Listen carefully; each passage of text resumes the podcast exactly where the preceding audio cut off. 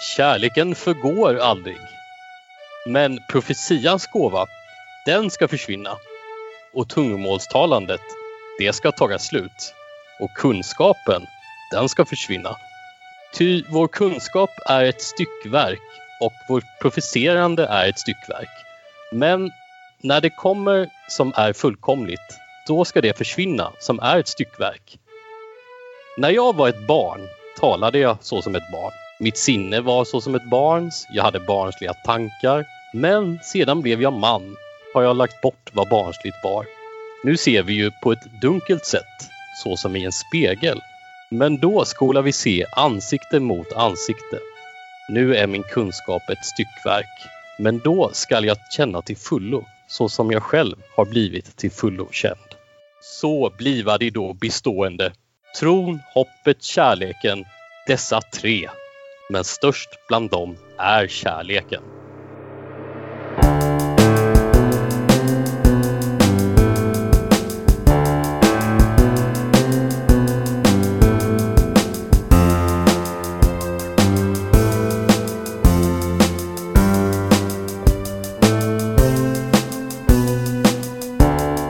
Hej och välkomna till Demonpodden.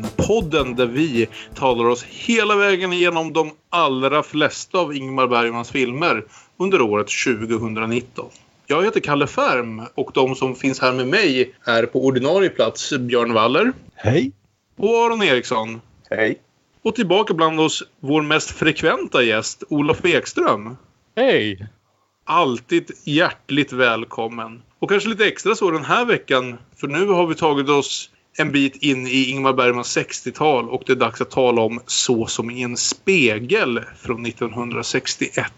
Men så som det har varit även innan så har Aron tittat på lite mer saker än vi andra. Så innan vi börjar diskutera Så som i en spegel från 1961 så ville Aron tala om en annan film. Och vad är det för något Aron? Det är Lustgården, också från 1961. Regisserad av den snygge Alf Kjellin och skriven av Buntel Eriksson. Buntel kommer också att skriva För att inte tala om alla dessa kvinnor.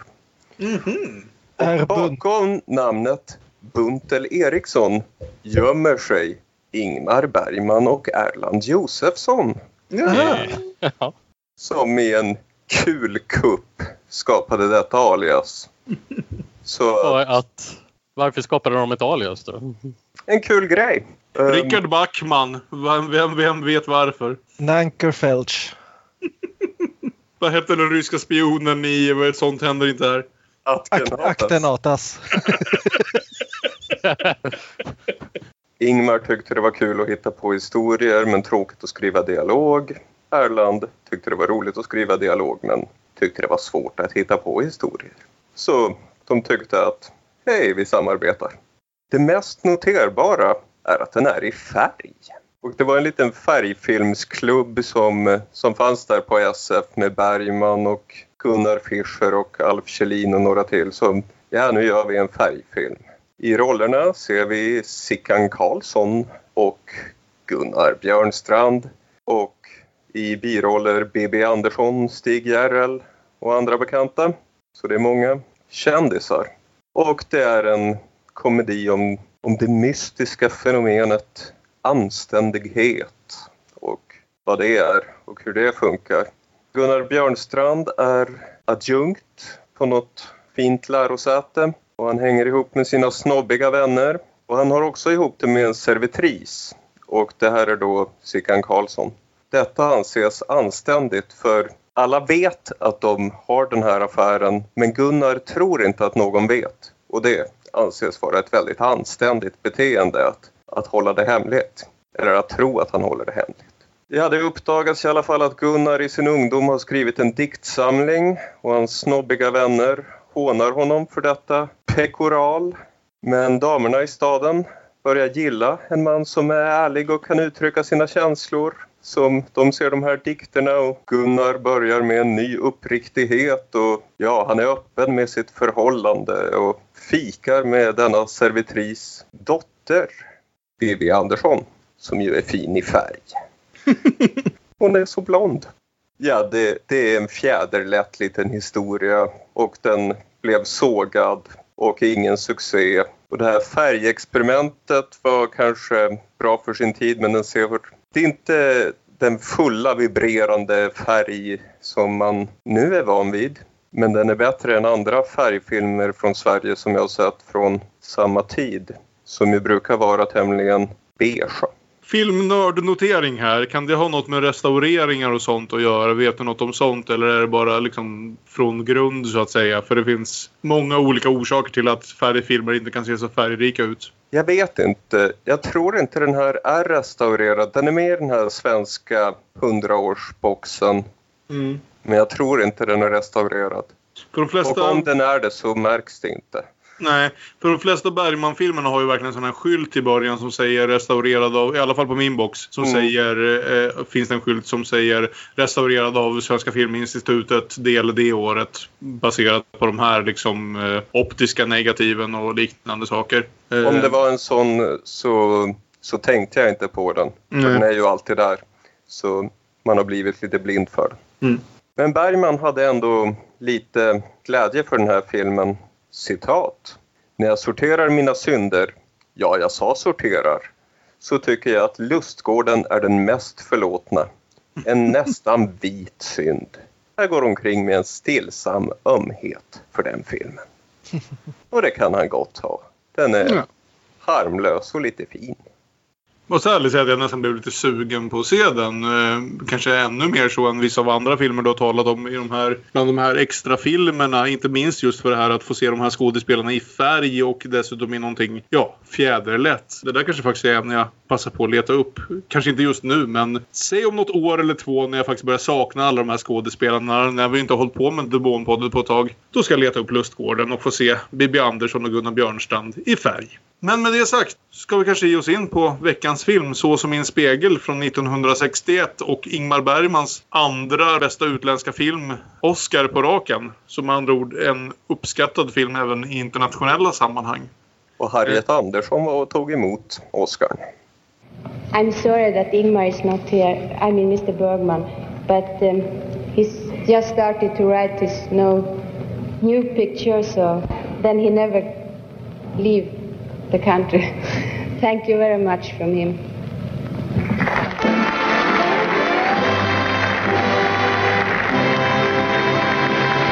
Apropå Oscarsgalan så berättar ju också Harriet Andersson i sin självbiografi om hur det var att vara där och ta emot den här statyetten åt Ingmar. Bland annat att Jack Warner försökte ragga upp henne på efterfesten och hon förklarade honom för gubbjävel. Och någonstans framåt natten så kom hon tillbaka hem till Beverly Hills Hotel och eh, försökte lite svenskt att fråga efter sin nyckel i receptionen. Men det visade sig att de lyssnade inte så noga när man står lite svenskt och säger Could I have my key please? Ingen tog notis. Jag försökte igen. Please, my key. Ingenting. Då tröttnade jag och tog fram Oscarn och dängde den i disken. Tjoff! Could I have my key? Då visste de plötsligt både vad jag hette och var jag bodde. Oh. Någon man vill jassa med. Innan vi börjar vår diskussion om Så som i en spegel tänkte jag läsa ett litet synopsis ur regi Bergman så som de flesta veckor.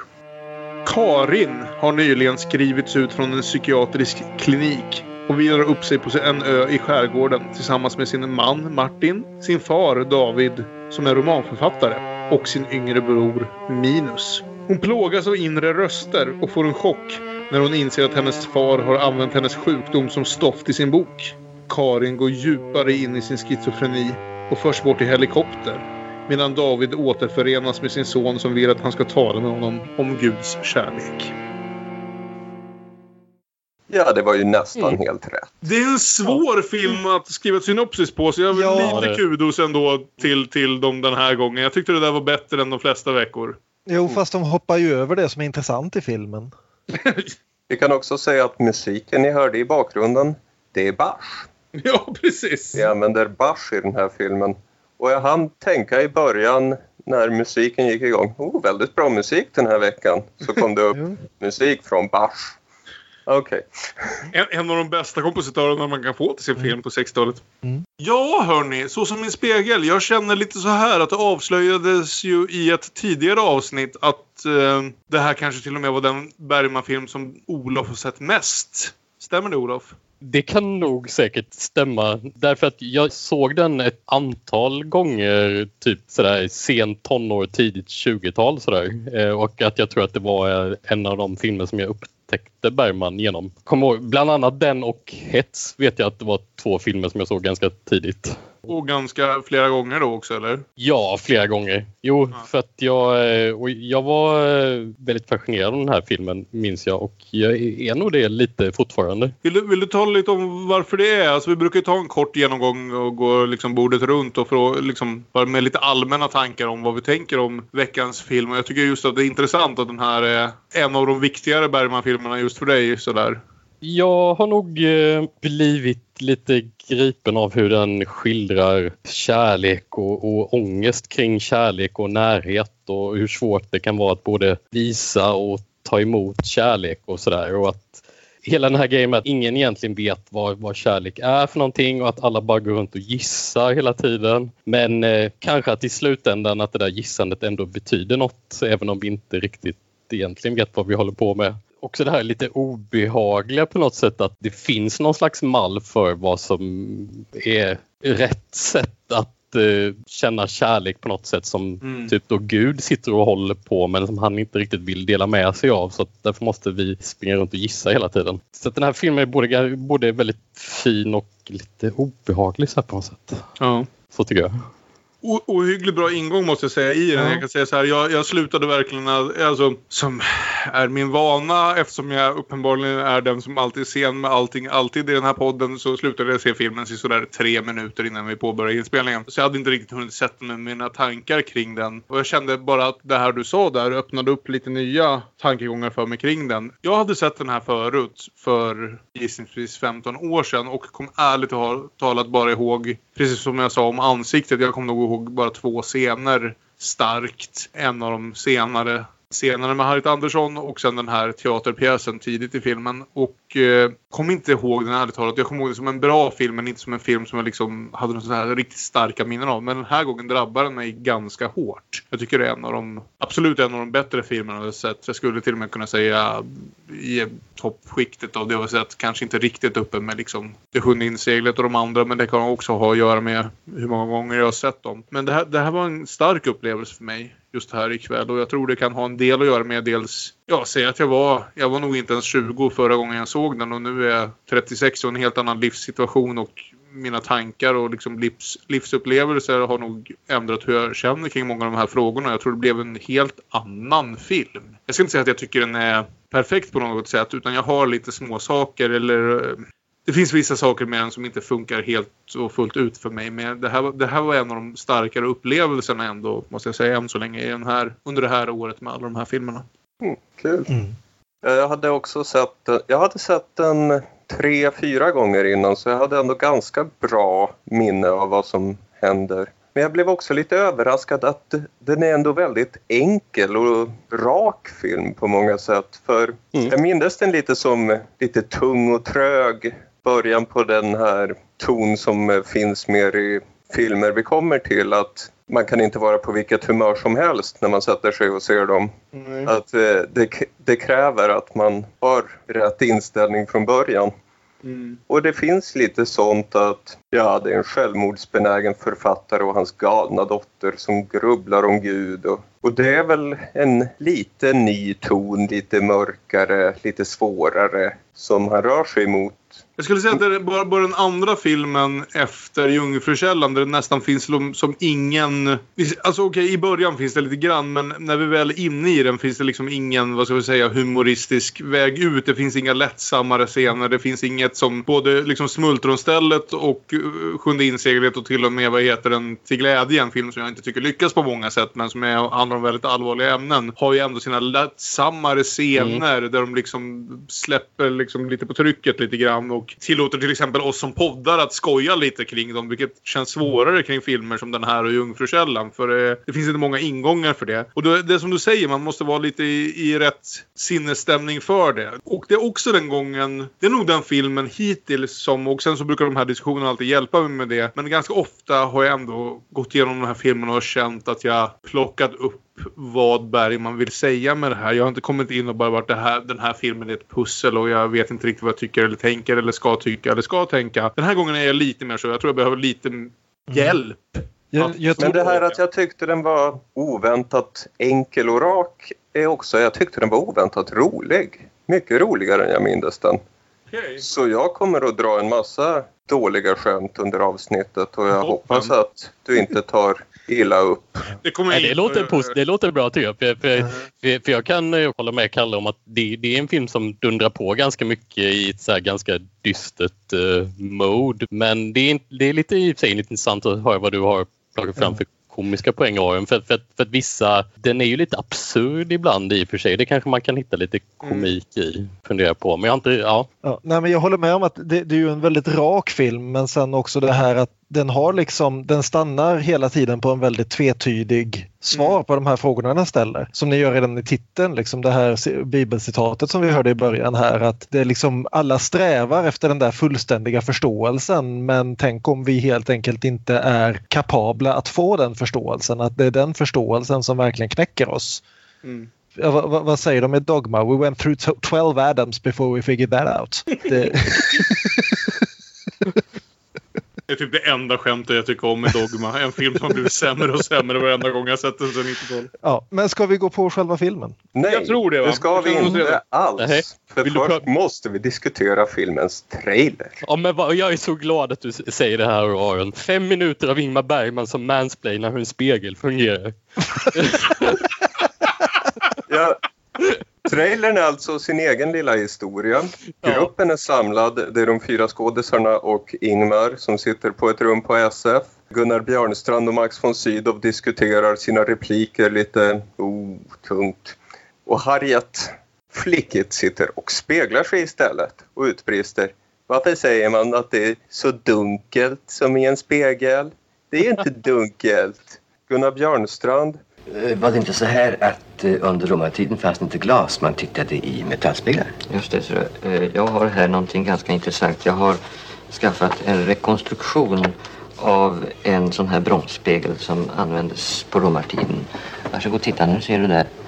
Att du ser dig själv eh, ganska dunkelt. Du skymtar dig själv och föremålen omkring dig bakom dig, inte sant? Mm, det är som en slöja. Ja, just det, ser du. Det är hela meningen med det där. Ja, då går vi vidare. Det är ju då första halvan av trailern och sen andra halvan det är väl en, en instruktionsfilm till kommande filmproducenter där Ingmar Bergman förklarar hur man kan eh, på bästa sätt utnyttja sina skådespelare till att eh, bygga rekvisita som man behöver så att man slipper betala hantverkare för att göra det. Ja, Eh. samtalet runt bordet fortsätter men kameran tittar på den här spegeln och vi förflyttas till inspelningen av filmen Ja. och får lite behind the scenes. Så skulle vi filma ombord på ett vrak. Men plötsligt steg havet och inspelningsplatsen låg 30 meter ut i vattnet. Det var en mycket besvärlig situation. Då kom någon på idén att vi skulle bygga en bro. Vi satte igång alla tillsammans. Hela filmtruppen byggde bro. Det var inspelningens roligaste och bästa dag. Efter tre timmar var bron färdig. Och så får man se bilder hur Max von Sydow, Gunnar Björnstrand och Ingmar alla hjälps Och detta är alltså då i trailern. Man, man får se hur de Det här är trailern. Ja. Och han berättar lite annat roligt från inspelningen. Sen går vi tillbaka ur spegeln och de har läst igenom manuset och vi får reda på hur filmen slutar i trailern. Ja, och sen så leder de bort henne. Går Eh. mot helikoptern. Blev många människor mer sugna på att se filmen efter att ha sett den här trailern? Eller? Ja, Jag är generad av mycket sådana här 50-tals, 60-tals trailers som är uppbyggda på de mest bisarra sätt. Alltså det är... det är must see trailer. Ja. Kanske här vi också ska lämna in det lilla, det enda jag hann läsa ur regi Bergman i stort sett, men som väl är att Harriet Andersson kom tillbaka här nygift och som ny mamma och eh, några år efter sina sina förhållanden med, med Ingmar och sa väl att det här var hennes lyckligaste inspelningsupplevelse någonsin. Och jag vet inte hur mycket Ja. av det som hade att göra med att bygga en bro till, en, till ett vrak. Men Nej, men hon går ju in på det en del i eh, sin självbiografi.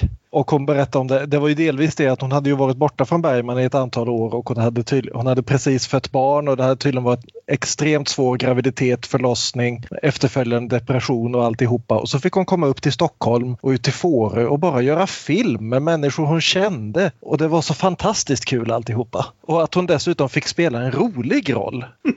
Det vill säga en där hon fick gå runt och skrika och skräna lite grann och vara allmänt mystisk. Och, ja. Ja, jo, det är Mm. sant. och hon fick dessutom eh, gå på studiebesök till dåvarande sinnessjukhus som det hette på den tiden och eh, passade på att stjäla en bok av en läkare där. Och du nämnde vi är på Fårö.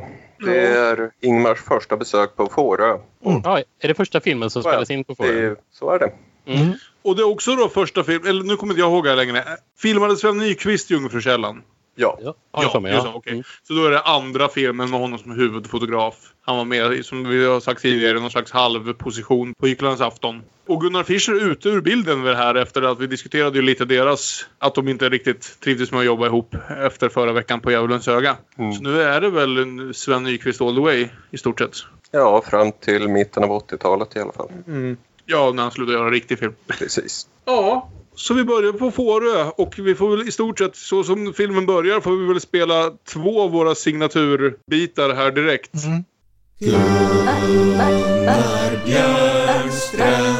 Party to the max. Ja, fyra gestalter kommer ut ur vattnet, går mot land. Och Och, vi kan- ju... Då kan nämnas att den här scenen är alltså inspelad, det var den sista scenen att spela in för filmen, den är gjord i november och det var typ 10 grader varmt i vattnet. Och när intervjuaren frågar Harriet Andersson, men kunde ni inte ha fått en stand-in som hon i eh, vad heter den, Gycklarnas afton fick under den här långa badscenen? Så säger hon att Ingmar var kanske inte på stand-in humör den dagen. Vi kan ju dra laguppställningen för den är ju kort. Vi har Karin, det är Harriet Andersson som alltså har sina psykiska bekymmer som vi, filmen centrerar runt. Hennes lillebror Minus, spelad av Lars Passgård. 17 år, puberteten med allt det innebär. I sin första filmroll någonsin ska sägas också. Alltså jag Ja, nästan ja. hade hoppats att jag skulle avsluta uppställningen med honom bara för att säga hur stort det är av den här stackars 17-åringen att stå upp mot de här tre andra. Och så har vi deras pappa David, Gunnar Björnstrand, författare. Och så Karins man Martin, Max von Sydow, läkare. Och där förstår man var Max Martin fick sitt artistnamn från. Det tänker du, ja. ja. Vi, vi kan ju inte utesluta att det var på det sättet. Och det här är ju de enda fyra människorna vi ska se helt, i hela filmen, vilket ärligt talat är lite Ja, just- speciellt. Det är ju den minsta rollista vi har haft hittills. Ja, vi ser ju faktiskt en helikopterförare på slutet också i några sekunder. Jag tror det är Max. Han bara tog... Jag tänker att det är Inga Landgren.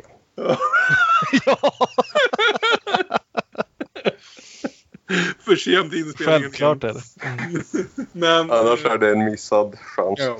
Men hur som helst, som riktiga personer så är det den kortaste vi har. Och för att ta oss tillbaka till när vi bråkade lite om Nära livet här om veckan. Också en film som inte har världens största rollista men ändå en betydligt större än sån. Vi diskuterade lite det här om eh, vad som känns som filmad teater och vi höll inte riktigt med varann och sådär. Och den här veckan skulle man ju kunna tänka sig med liksom fyra personer som i stort sett har dialoger med varandra på en ganska liten plats. Att det här skulle kunna kännas som filmad teater men det här är ju en jävla film. Alltså jag tror ingen skulle komma på tanken att kalla det här för filmad teater, antar jag om ingen nu tänker säga det. För det här för mig, det blir såklart direkt att så filmad som den är, på plats ute på Fårö, med allt som Sven Nykvist har med sig i bagaget och uppenbarligen kan frambringa med en kamera. Tanken slog mig inte ens förrän filmen var över. Nej, men jag, håller, jag håller med. Det känns väldigt mycket som en film. Alltså, det går säkert att göra om den till en teater men det, det känns inte teatermässigt har inte jag tänkt när jag Nej. ser den. Det, det finns andra Bergman-filmer som känns mer som det i så fall.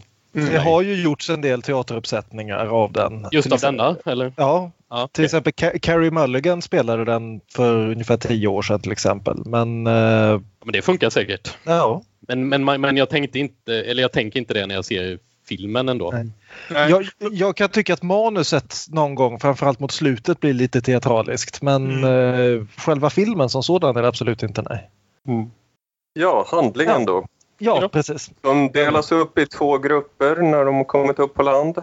David och Martin, alltså Max och Gunnar, ska lägga ut näten och, och eh, ja, det blir lite prov på manlighet. Det är ju kallt och så, men Vi härdar oss.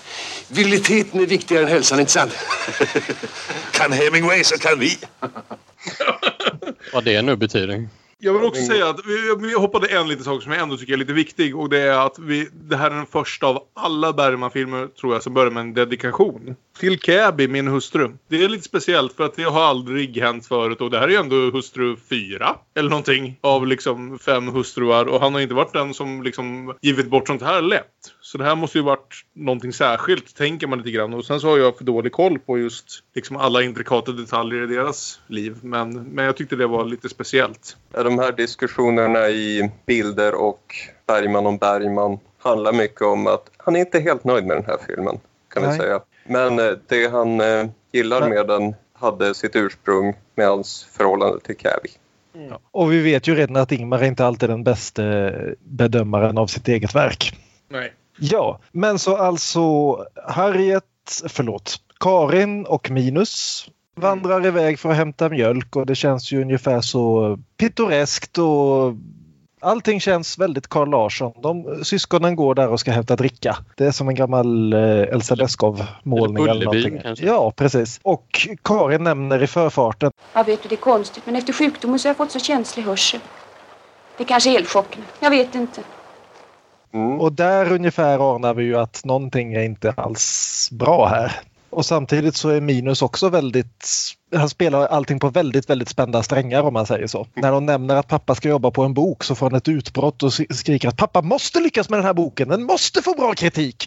Uppenbarligen så, ja, en av dem har egna problem och den andra har problem som rör sig till sin far. Mm. Ja, pappan är alltså mycket framgångsrik kommersiellt men han vill bli erkänd av kritikerna. En stor diktare vill han vara. Mm. Och han har också gjort slut med eh, sin eh, flickvän Marianne, får vi veta. Och paret David och Marianne är ju, ja, en lektion i kärlek såg vi ett David och Marianne-par. Det är ofta David och Marianne som är ihop i Bergman-filmer. Just det.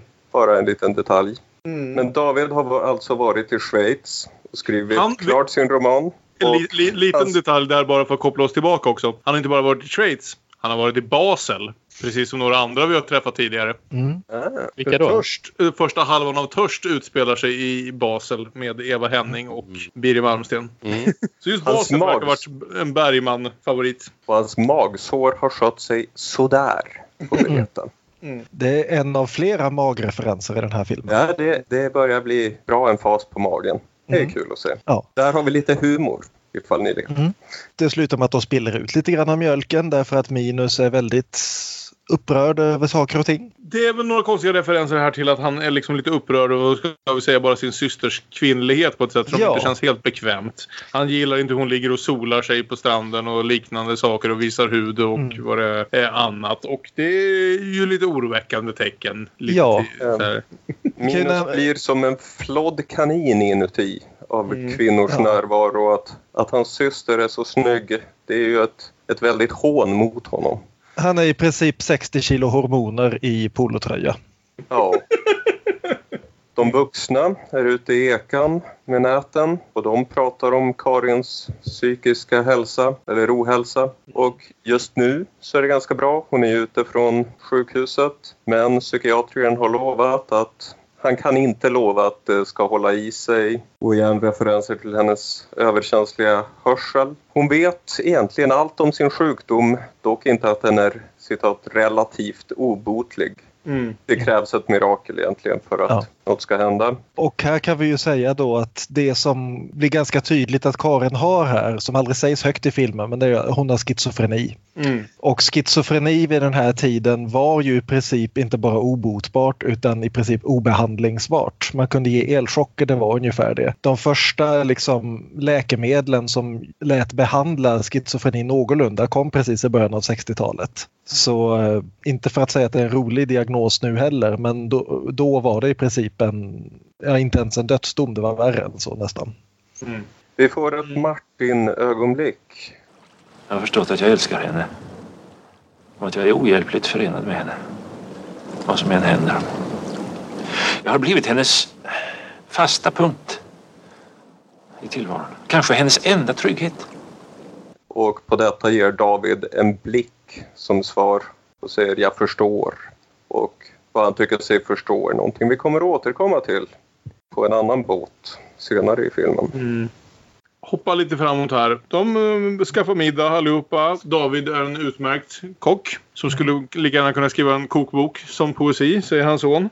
Och eh, vid middagen så nämner David det här som redan har varit borta väldigt länge. Och det här är, jag vill inte bara falla in i recap-grejer utan redan här börjar man ju märka man har... Det blir väldigt starkt det här. De, de är väldigt skickliga på att först sätta upp det här som, som var nästan som känns som det här vi har sett förut, typ Kvinnors väntan. Alltså en familj spenderar en stund i sommaren på en ö tillsammans. Det är väldigt snyggt tycker jag ändå på något sätt i detaljer och repliker här och där. De bygger upp till att det här är någonting mer. Att det här är ett försök för henne att återhämta sig och eh, liksom hur allt det här andra har spelat in i det. För hela den här bilden för alla skulle jag säga, det är Minus som märker det mest, men hela den här bilden av vad det är de håller på med att försöka återställa någon slags normalitet, någon slags familj splittras ju när David, Gunnar Björnstrand, pappan, kanske lättast. Jag, jag tänker på den här filmen märker jag utifrån Karins perspektiv. Jag tänker på de andra tre som pappan, maken och lillebrorsan. Men när han berättar att han ska ge sig ut och resa igen, för han har uppenbarligen varit i Schweiz en bra tag. Och när han sen berättar att han ska ge sig ut och resa igen gan, inom ganska kort tid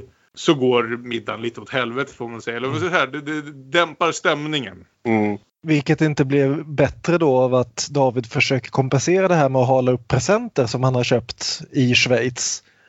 Och som Mm. väldigt uppenbarligen är införskaffade på Arlanda. Okej, det, det håller jag med. Det var ganska roligt. Ja, Ja, det, var, ja, det, det är ganska kul scen. Och, och också, men, men, men den är ju sådär...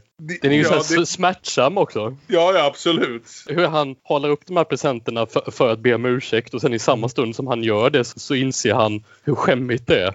Ja. Och, han går ju också direkt, han måste ursäkta sig. Han går in, eh, jag ska hämta min tobak.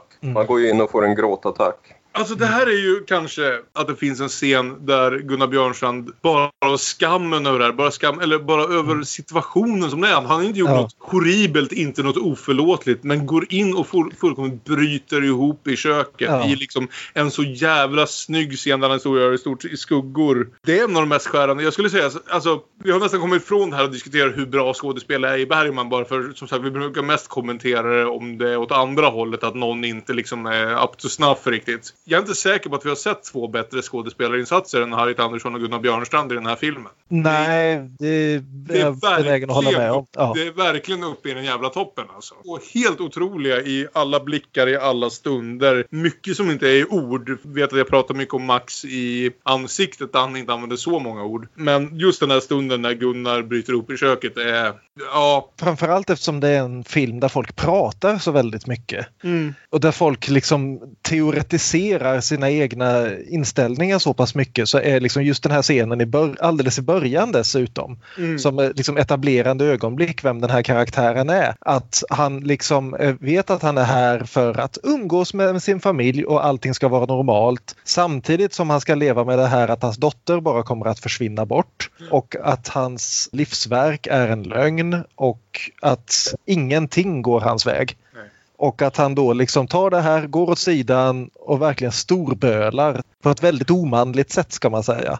Så ja, jag tyckte väldigt mycket om det. Det är otroligt bra. Och det, just det du nämner där, Björn, tycker jag är en av huvudpunkterna i scenen. För jag tänkte på hur många gånger som, som något sånt här händer i den här filmen. Det är väldigt många. Just det här att något väldigt emotionellt, någonting väldigt liksom knäckande eller svårt händer för den här familjen. Och i scenen efter försöker någon göra den mest banala, vardagliga, har du vikt ihop skjortorna? Har du liksom, det återkommer också. Hela tiden att i samma sekund som vi liksom, okej, ja men det var en jobbig stund. Eh, hur ser det ut med disken just nu? Ja. Ja, men de ska i alla fall lätta upp det lite grann så Minus och eh, Karin ska sätta upp en teaterpjäs som Minus har skrivit. Det konstnärliga spökeriet. Mm. Eller illusionernas gravvalv. Bara titeln. En satir över konstnärens fåfänga och hyckleri. Ja, Och vi har alltså återigen, vi, vi, har inte haft det här på ett par filmer nu, men nu är Nej. vi tillbaka i det här klassiska Bergmanska med en, ja vi hade det i ansiktet i och för sig, med en föreställning i föreställningen som kommenterar föreställningen fast den inte är lika bra som själva föreställningen med flit. Ja, det, är en gammal favorit och det här är ju en av de snyggare av dem. Till att börja med, jag vet att vi har bråkat lite om det här tidigare, men det här är ganska snyggt ändå just i, alltså kanske inte som en pjäs jag skulle vilja se i sig, men samtidigt är den ju uppsatt med en sån liksom lättnad att den ja. är menad att vara något bara för deras pappa. Och samtidigt just i hur den kommenterar på det som händer runt om så blir den ju... Jo. Det finns en orsak till att det är det här jag minns liksom. Mm. Jag tycker speciellt mycket om det, det här väldigt då illa förklädda porträttet av sin far som Minus gör här. Som konstnären som föraktar det färdiga konstverket. Poeten som aldrig skriver en rad, skulptören som aldrig får ut någonting ur marmorn liksom, utan som bara lever i tanken över att nu är jag en som skapar. Mm. Och sen aldrig behöver faktiskt göra någonting åt det. Det är liksom det är en sån där grej som, det är det jag gillar med de här liksom Bergmans ungdomskaraktärer återigen, att de är verkligen skrivna som ganska bra ungdomar ofta. Därför att det här kan jag tänka mig att minus 17-åringen som som sagt är 60 kilo hormoner i en keps. Han tror inte att det här är så lättgenomskådat som hans far direkt ser att det är. Nej. Han har inte ens tänkt tanken att det här är ett porträtt av hans far. Men det är den värld han känner han har en replik på slutet av den här lilla pjäsen. Fram till en punkt så är hans far som sitter där och väldigt uppskattande och ser glad ut och liksom smickrad över att de har satt upp det här för honom. För det är ju, som filmen kommer handla om, det är verkligen liksom ett tecken på deras kärlek för honom. Att ens liksom gå till all den här mödan. Men sen säger Minus-repliken, en av de avslutande replikerna. Glömskan ska äga mig och endast döden ska mig älska. Och då brister Gunnar. Han mm. byter helt ansiktsuttryck i publiken och det verkligen slås fast vad det här är egentligen. Som sagt, oavsett minus vet du själv eller inte. Och det är också bara ett sånt där ögonblick. Det är mycket minspel. Det är mycket ansikten som ändrar uttryck i den här filmen. Det är inte egentligen som talar som är den vi behöver fokusera på. Nej. För det är väldigt diskret. Alltså det är meningen att vi som tittare ska se det men vi vet inte riktigt om, om alla andra egentligen har märkt någonting. För att han är ju sagt, det rycker till lite sådär i mungiporna på pappa Björnstrand. Han är ju upprörd alltså men uh, spelar med. Min teori är ju att det där är ett citat ur någon av hans böcker. Eller någonting. Ja, Men, ja. jag tänkte också det kan vara det. Ja.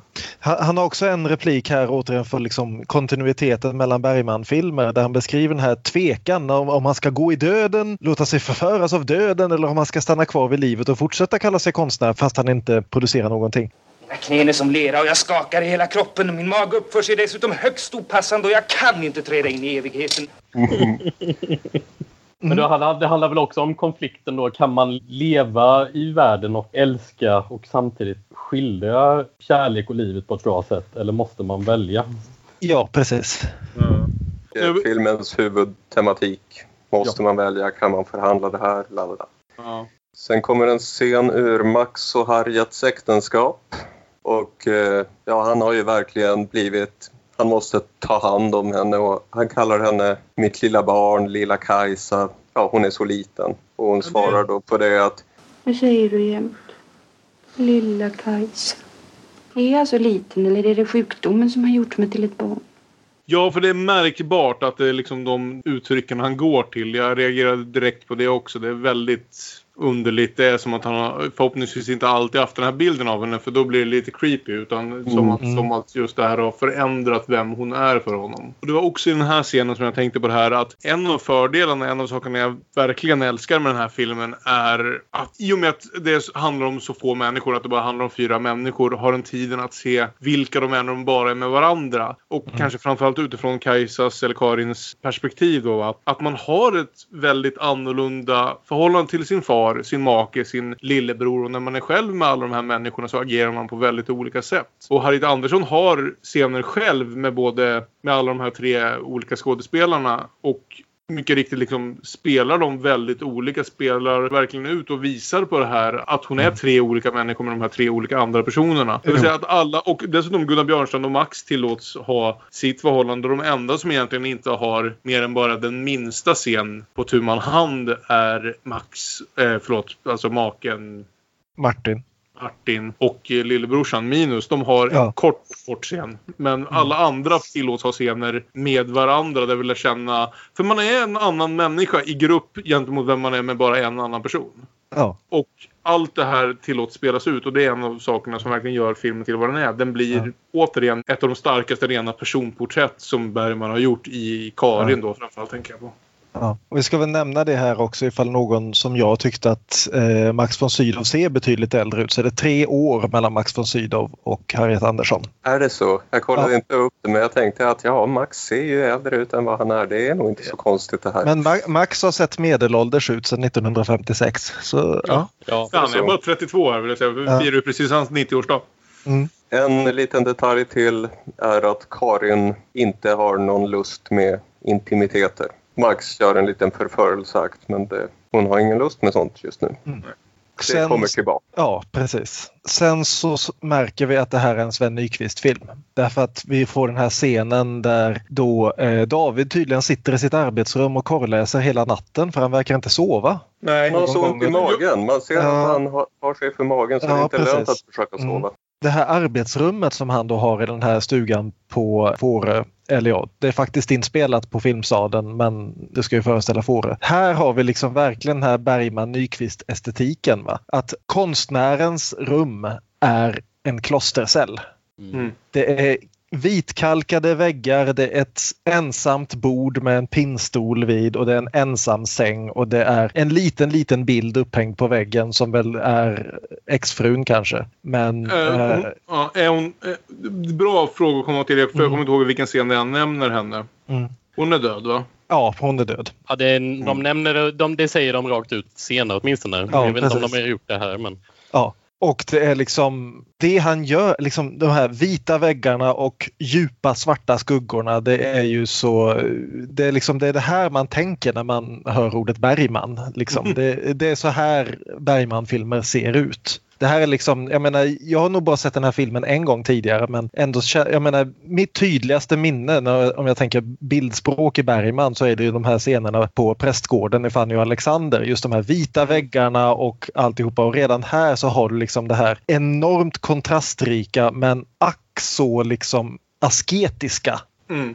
i skapandet. Som är, ja, det är återigen den här kopplingen till Bibeln också. Den här sammanblandningen av det religiösa och det kulturella skapandet och det liksom filosoferandet runt det. det ja, han drar inga tydliga gränser mellan de sakerna helt enkelt. En sån sak som jag tänker lite på här, för vi vet ju nu hur vi började det här avsnittet med, med bibelcitatet som titeln är tagen ifrån. Det är att Gud blir en, vad ska vi säga, väldigt närvarande faktor i andra halvan av den här filmen. Men han omnämns knappt i första. Jag menar inte det här som en kritik, jag bara menar att de lämnar just sånt väldigt mycket i bakgrunden tills saker ställs på sin spets så att säga. Ja. Det är inte en film som Sjunde inseglet som från första scen säger att nu ska vi debattera Gud igen. Mm. Och vem han är om, om han bor i väggen. Utan det, det lämnas utanför en bra, bra stund innan, vi liksom, innan det temat tas upp igen. Jag tycker det funkar ganska fint ändå. Det är liksom... Och jag tänker nästan lite grann att det har lite grann att göra med just det här att Bergman säger ju det i bilder att han var väldigt noga med att liksom hennes psykiska sjukdom ska inte exotiseras.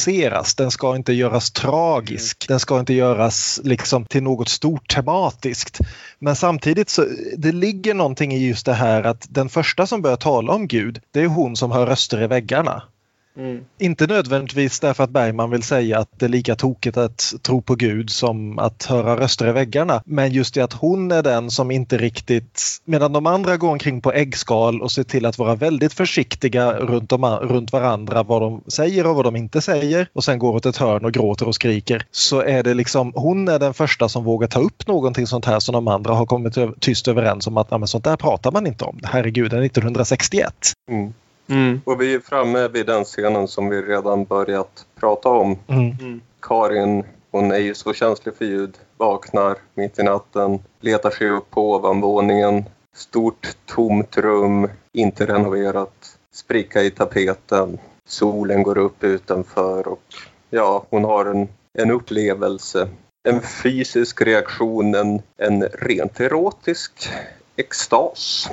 Extas är väl rätt ord ja. Mm. Och här ser vi att hennes erotiska liv har förflyttats någon annanstans än med hennes man. Och det, det, hela den här scenen återigen så vackert vill jag nästan säga men Mm. ändå hemskt filmad. Det är, liksom, det är här folk som Lynch och det gänget liksom verkligen förälskar sig i Bergman tänker jag. För just de här liksom Mm. fladdrande ljuset över de här tapeterna där vi hör viskningar, vi hör att någonting händer här inne. Vi ser ingenting annat än liksom just ljuset som spelar. Återigen det här, vad, vad var citatet nu då? Att vi, vi ser det bara på ett dunkelt sätt. Mm. Medan hon uppenbarligen ser någonting vi inte ser. Hon ser någonting mycket klarare, mycket tydligare. Och hon kan liksom kommunicera med det här. Hon lever mellan två olika världar. Som hon återkommer till senare också. Och det är, det är inte nödvändigtvis en välsignelse. Tänker någon annan, alltså jag vet inte om det här sägs rätt ut, för jag märker redan nu från att jag har sett de här filmerna utan um, undertext att jag ibland har missat en replik här och där. Bland annat där om hennes, vad ska jag säga, ljudkänslighet har inte jag alls plockat upp lika bra som ni. Jag tänker att det här är mammans rum och att rummet på något sätt med sprickan i väggen får representera den personen som uppenbarligen saknas i den här familjebilden. Och att det spelar in i allt det här. För det lär vi oss, jag tror inte det kommer förrän senare men sak samma för de som lyssnar på det här har ju förhoppningsvis redan sett filmen. För vi lär oss ju senare att mamman har lidit av, om inte exakt samma sak, i alla fall någonting snarlikt. Att mamman eh, på något sätt besjälar det här rummet. Precis, att hon går dit och liksom... Alltså, jag menar inte det på något liksom magiskt eller på något religiöst sätt utan bara för att ja, det är ett rum som påminner om hennes mamma och dessutom nu att hon har en extra koppling till sin mamma via sjukdomen. För uppenbarligen det här rummet med den här sprickan i väggen har ju en särskild betydelse.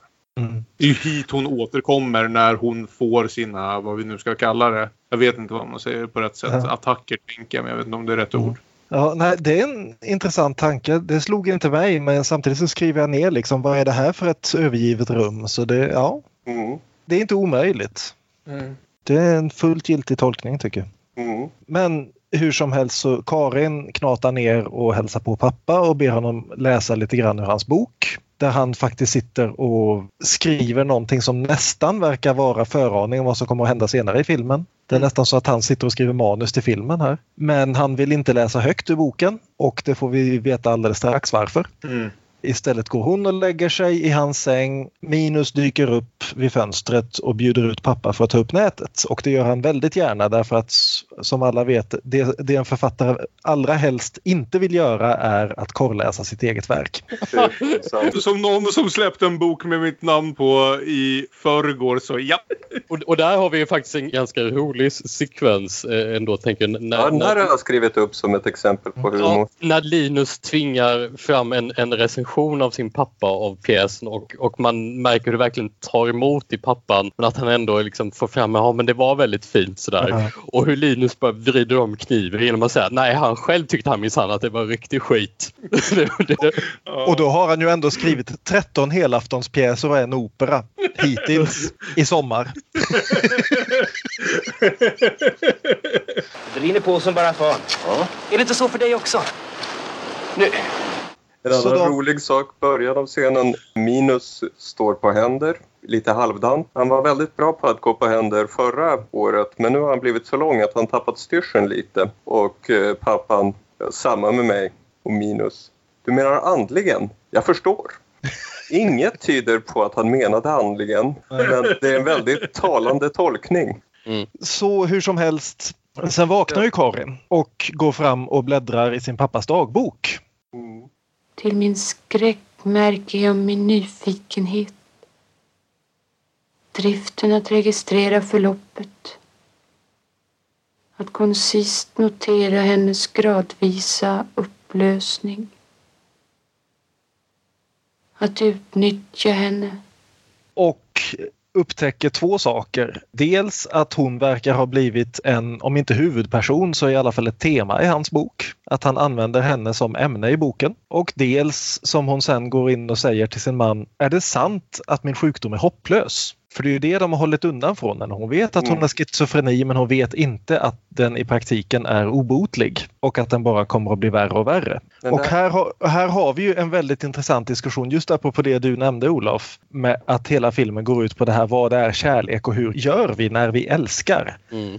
Hon frågar liksom om han inte hellre skulle vilja ha en, hon använder väldigt medvetet inte ordet frisk, men det är det som går fram här. Att han inte vill ha en annan fru och han säger nej jag vill ha dig. Och hon läxar upp honom för att det, det blir fel hur han än gör. Allt han säger gör bara saken värre. Det är så lustigt med dig. Du säger alltid precis de rätta orden och gör de rätta sakerna och det blir fel ändå. Om jag gör fel så är det av kärlek, det måste du veta. Den som verkligen älskar handlar alltid rätt mot den älskade. Då älskar inte du mig. En sån här sak som man vet att han har hållit på länge därför att så här säger man inte till en sjuk människa. Mm. Hur vågar du gå och bli psykiskt sjuk och ta ifrån mig min fru? Det är inte någonting man säger, men det är någonting man ofrånkomligen tänker dag ut dag in. Men samtidigt som han inte egentligen vill gå med på hennes Nej, precis. premisser. Så att han, han tycker att liksom, här går jag bara runt och försöker älska dig och du bara Ja. tränger in mig i ett hörn med dina jävliga insinuationer på det här sättet. En fråga. Jag förstod inte att det var den här romanen som handlade om Karins sjukdom. Jag tänkte att det var ett planerat verk för framtiden. Men eh, ni känner Nej. er övertygade om att det var den här? Ja, det är något citat där. Nu, har jag, nu skrev jag inte ner citatet, men det är liksom det citatet hon läser högt där verkar anspela på henne. Ja, men det är ju ur dagboken. Ja, okej, det är ju dagboken ja. ja. Eh, Ja, det kan ju vara Ja. vilket som kanske, men Ja. eh, det är inte så viktigt. Nej. Men det, det blir i alla fall morgon till slut. För allt det här har utspelat sig på småtimmarna. Som alltid i Bergman-filmer. Nej, ingen sover någonsin i en Bergman-film. David och Martin ska in på, jag vet inte, fastlandet eller Gotland. Ja, Gotland får man väl gissa. Ja, jag kom på det när jag... Det är ganska ja. långt till Nynäshamn. Ja. Så de ska in och handla sprit. Ungefär här hade ju filmen kunnat gå över i att bli en cover på att angöra en brygga, men det gör den inte. Minus ska plugga latin. Men vad gör han istället? Han läser porr! Han läser. FIB-aktuellt. Bra att Snoppstund med minus. Han sitter där och läser porr och Karin ber honom recensera. Återigen, det är mycket recenserande i den här filmen. Hon ber honom recensera vilka eh, utvikningsbrudar han tycker mest om, vilket är väldigt pinsamt. Ja. Så han blir riktigt förbannad. Spottar på henne. Ja, till och med det. Det är ju kanske en lite ovanlig syskonaktivitet, eller? Jo, det skulle Jag jag tänker jag en stora syster som retas. Det, Ja. De retar så mycket stora syskon. Ja, jag förstår. Ja, alltså jag tycker nog det finns en punkt när den vänder här. Upp till en punkt tycker jag att det här ändå känns som något som skulle kunna hända även i en mer normal familj, eller vad man ska säga. Mer allmändaglig familj. Men eh, det tar ju sin vändning. Och det är här någonstans jag börjar känna lite grann så här att jag tycker att, vad heter han, Lars Passgård som spelar Minus, gör en helt solid insats. Men det är ändå här någonstans vi börjar märka att han är uppemot tre av Sveriges bästa skådisar genom tiderna på liksom top of their game. Han är inte riktigt på deras nivå ändå. Jag mindes Pausgård som ett svagt kort men alltså den här titeln tyckte jag han var så Jag tycker, oskuldsfull och mager. jag tycker ingenstans att han är dålig. Jag tror bara att det är någonstans, det är verkligen bara i jämförelse. Det här är en, helt klart solid insats. Jag skulle Mm. inte kalla det för en dålig insats någonstans. Men man börjar märka lite grann gränserna för någon som spelar in sin första film, känner jag Mm. någonstans. Och jag började tänka lite på det. Och det är väl en av de få sakerna. Jag kommer komma in lite mer på det för det är mer av en, vad ska vi säga, det är svårt att kommentera den på. Jag, jag har ett Mm. allmänt klagomål gentemot den här filmen. Men jag tror det är lättare att ta det på slutet än att Mm. passa in det på separat scener. Men när de upptäcker att de inte kommer längre med latinet, även om vi får en liten callback här till hets, just apropå det här med latinets grammatik som är så konstig att man genom att ändra en ändelse någonstans kan ändra hela betydelsen av en mening. Det vill säga det är grammatiken som styr vad en mening betyder.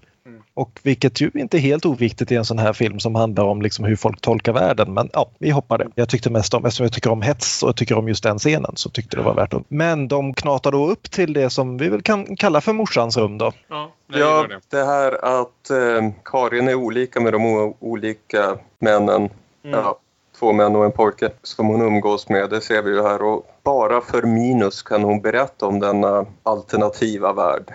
Så hemsk, så lockande. Så hon tar med honom till tapetrummet. Hon berättar hur en röst i väggen ropar på henne och hur hon går igenom väggen, träffar en hel mängd människor som är henne där, väntar, väntar på någonting och hon tolkar det som en väntan på Gud. Och hon ska nu hänga sig åt denna värld, lämna Martin. Martin har inte riktigt rätt temperament för att dela detta nya med henne. Och stackars Minus är ju hopplös i den här situationen. Vet inte riktigt vad han ska göra. Är det verklighet det där? Jag vet inte. Jag vet inte. Jag står mitt emellan och ibland blir jag osäker. Jag vet att jag har varit sjuk. Och min sjukdom var som drömmar. Men, men det här är inga drömmar. Det måste vara verklighet. Det måste vara verklighet.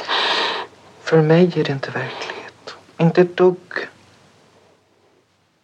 Karin. För mig är det inte verklighet. Jo. Jag gillar hur du betonar här att Minus känns liksom hopplös i den här situationen. För jag skulle säga att alla som liksom konfronteras med henne i det här stadiet, eller i, när hon, vad ska vi säga, går över när hon får sina attacker i den här filmen, känns smått hopplösa. Martin, visst, han har liksom sprutor och liksom rent läkemedelsmässiga metoder att gå till, men alla är ju konstant. Och jag menar, det är inte något oförståeligt, det är inte någonting jag liksom, man kan anklaga dem för. Men när man konfronteras med just den här totala förändringen som hon genomgår här så blir ju alla helt ställda. Alla är helt inkapabla. Jo, Martin säger ju rakt ut sen att jag älskar henne, jag är maktlös. Mm. Och ja, det förstår vi ju. Mm. Minus försöker i alla fall med, för mig är det inte verklighet, inte ett dugg. Men det blir ju ingen succé. Och ja, han försöker, ska vi inte gå och bada istället? Och Harriet bara knuffar ut honom, ut med dig. Och här har vi ytterligare ett sånt där väldigt ensamt ögonblick för Minus. Han är då ute i korridoren och han säger helt enkelt Vad fan ska jag ta mig till? det var Men två sekunder senare så kommer hon ut ur rummet och verkar som om absolut ingenting har hänt. Nej. Så ja. Mm. Här ser man ju Amazon-Harriet som verkligen tar över och äger ett rum. Mm. Och Lill-Minus är ju, vi har gissat hans vikt till 60 kilo men här känns han ungefär på ett halvt. Ja. Ja, nej. Det... Som Ja. sagt, det är svårt att hålla sådana här diskussioner om den här filmen om man inte har, eller om sådana här filmer just för att man kan liksom bara stå lite in awe it. Det, det starka jävla ögonblick. Det, det, det liksom, de, de står för sig själv på ett sånt sätt att man inte ens vill ge sig in och riktigt diskera dem på det sättet. Det är nästan lättare att ta det som ett verk. Vilket väl Mm. orsaken till att inte alla, alla filmer är gjorda för den här sortens diskeringar nödvändigtvis. Men, men eh, ja, det är märkbart hur filmen har gjort en vändning här någonstans. Alltså det är ändå, man kan ju komma en 30-40 minuter in i den här filmen och tänka att det ska vara en relativt trivsam liksom så här familjedrama av stilen som framförallt tänker jag av någon anledning fransmän och ja, det är på den här tiden som, som Yasuiri och, så gillade att göra borta i Japan. Om man tänker på Tokyo Story och liknande. Om, eh, just om, om, om eh, familjemedlemmar som inte kan eh, prata Uttryck- och, vi, och visa kär, uttrycka kärlek till varandra. Ja. Ja. Precis, absolut. Att det är liksom Det finns en liten koppling där. Ja, men det här känns det som att vi inser att det här är på väg någon värre stans. Mm. Ja, Nu Precis. har- Vi har vänt lite liksom. Nej, och, och, och, och jag, även om det är kanske inte det mest liksom helt lyckade ögon. Jag tycker på det stora hela, nu är jag ingen expert, men det känns som att filmen, speciellt för att vara gjord 1961, är väldigt liksom respektfull och realistisk i hur den behandlar hennes sjukdom. Om man betänker att liksom även 30 år senare så liksom såg man ofta liksom filmer som behandlade schizofreni som om det var haha, jag har flera olika människor inuti mig och det är jätteroligt. Har ni sett Power fler på sistone? Nej. Oh dear. Eh, men att man kan hamna i, i det liksom komiska Jim Ja. Carrey-träsket på något Precis. sätt. Men Man det jag ville komma fram till där innan vi går på fler, det var helt enkelt det att just den här scenen är kanske ett av de, där just det här enormt snabba rycket där från att hon ligger katatonisk på golvet till att allting är så bra igen. Känns kanske inte fullt så smidigt som resten av filmen. Men det sätter ju upp resten av filmen så väldigt snyggt just därför att hade hon legat kvar där då hade det varit en sjuk människa som man kan hjälpa. Det, då hade liksom inte filmen gått med på att men det här är riktigt illa utan då hade det fortfarande varit det här. Ja men vi vet, är någon sjuk så, går, så kan hen bli behandlad. Men just det här när hon omedelbart går över till att bli någon annan igen. Eller går över till att bli sig själv på ett annat sätt. Det är då vi verkligen börjar ana oråd att liksom nej okej det här är inte bra. Verkligen inte bra. Samtidigt på en campingbåt. Är det en campingbåt nu då? Vi lärde oss ju. Vad var definitionen av en campingbåt? Jag Finns det en att definition eh, på detta? Ja, vi upptäckte ordet campingbåt i samband med sommaren med Monica-diskussionen och insåg att det faktiskt var något som fanns definierat. Hur som helst. Nu kallar jag alla båtar med ett litet sovutrymme och sådär. För Detta är, ju, campingbåtar. detta är ju mer av en picknickbåt kanske. Jag säger inte att det var fel. Ja, Men Max menar att. David har fel. För Max är sur. Han är tyst, närmast fientlig. Och här så går han igenom vad Karin berättat och Mm. vad Karin inte berättat. Som, som Karin sa åt honom att fråga pappan om. Mm. Vad han egentligen skrev i dagboken. Det här är så... Du jagar ämnen. Din dotters sinnessjukdom. Jävlar vilket uppslag. Jag älskar henne, Martin. Du älskar. I din tomhet ryms inga känslor och du saknar vanlig anständighet. David, du vet hur allt ska uttryckas. Du har de rätta orden för varje ögonblick. Det finns bara en företeelse som du inte har en aning om. Livet självt. Du är feg och slapp. Men på en punkt är du nästan genial. Bortförklaringar och ursäkter. Vad vill du att jag ska göra? Skriv din bok. Den kanske ger dig det som du längtar efter mest av allt. Ett genombrott som diktare. Då har du ju inte offrat din dotter förgäves. Mm. Och vi har ju haft alltså- anledning att nämna det, det problematiska i hur Bergman och andra konstnärer, nästan alltid män, gör sitt dåliga beteende till stoff för deras konst. Mm. Som att det på något sätt skulle rättfärdiga beteendet. Mm. Mm, Och mm. det, det har vi ju här igen. Mm. Och Jan Holmberg som väl är VD för Bergman-stiftelsen, något sånt, skrev i alla fall den här boken Författaren Bergman som jag inte läst, men jag läste en recension som hade denna spännande historia om en film som Bergman gjorde på 70-talet. Under arbetet med den så skrev då Bergman i sin arbetsbok min lille sonson som jag inte kände drunknade igår. Han var bara fyra år. Och sen så låter han ett par i filmen sörja en drunknad fyraårig son. Och Holmberg skriver då Funderade Bergman någonsin på hur hans son, barnets far, skulle reagera när han såg filmen? Det tror jag inte. Och ja, Bergman gör väl upp med det där här, kanske Mm. hur han tänker att konsten har sina spelregler. Får jag fråga dig en sak, Martin? Varsågod. Kan du alltid kontrollera dina innersta tankar? Jag är gudskelov inte så komplicerad. Min värld är mycket enkel. Ganska klar och människoliknande. Trots det jag ofta önskat att Karin skulle dö. Absolut inte. Det ska vara du som kommer på en sån idé. Kan du svära på att du hade tänkt den tanken? Det vore annars rätt logiskt. Du vet att hennes fall är hopplöst. Och du vet av övertygelse att det inte finns någon mening i ett lidande. I så fall kunde hon lika gärna vara död. Du är grotesk. Det beror på vilken synpunkt man anlägger. Det är intressant för det är inte bara den här en viss sorts religiös upplevelse som patologiseras här i filmen. Det är ju konstnären också. Mm. Jag tänker att de går lite åt olika håll.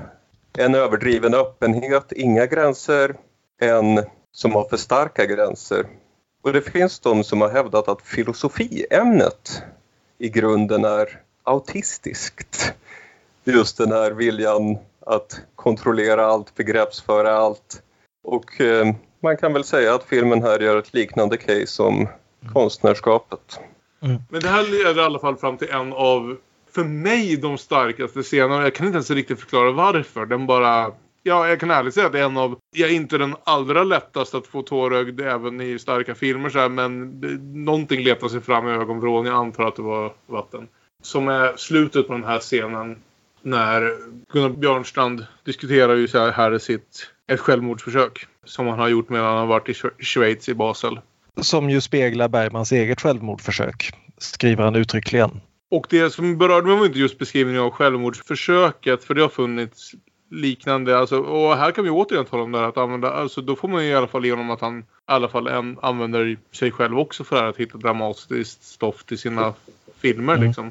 Men just det här ögonblicket på slutet när han känner att efter det här försöket att han, han lämnas med det som faktiskt betyder för honom. Och Ur min tomhet föddes någonting som jag är svårt att röra vid. Kalla vid namn. En kärlek. som han säger, en kärlek till Karin, till Minus. Och sen så lägger han handen på Max arm. Max som precis har skällt ut honom för att vara en egocentrisk människa som bryr sig mer om sina verk än sin dotter och liknande. Mm. Och försöker försonas och säger och till dig. Mm. Eh, och just den där, för att ha en kärlek till, till sina liksom, faktiska biologiska barn är, är liksom någonstans en grundförutsättning. Någonstans. Det, är inte, det är inte samma sak som att säga att allt är sant. Men det är ändå allting, någonting vi väntar oss i de flesta fall från en far. Mm. Men just det här att han har anammat sin, sin svärson in i det här. Och särskilt just efter en sån hård konfrontation och vill försonas med de orden. Ord som vi vet från Bergman men inte är lätta. Alltså en- för en av sakerna som alltid för mig, och jag tror det var här nära livet föll vid fel sida om snöret för mig.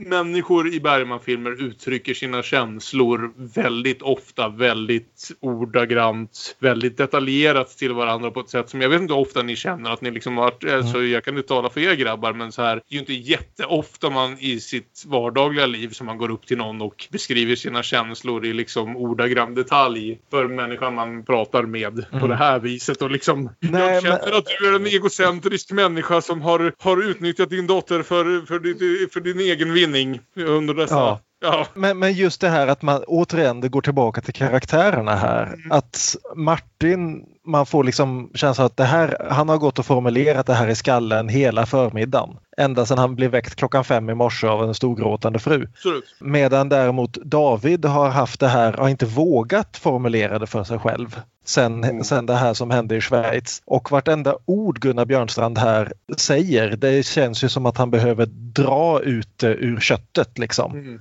Jag har två saker här. Ja. Först Bergmans kanske galnaste åsikt om sina egna verk. Han tycker den här scenen är jättedålig.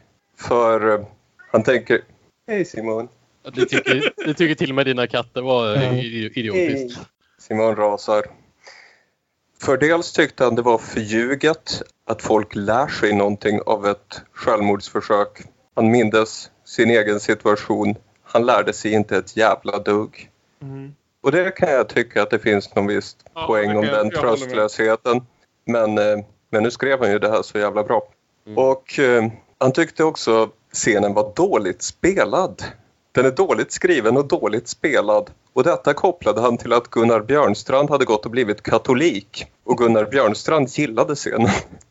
Och bara att han gillade scenen verkar Bergman se som ett bevis på hur han helt inte förstod någonting. Första frågan. Min andra på... Ja, Ja, ja, förlåt, det är en sak. Förlåt mig. Du först.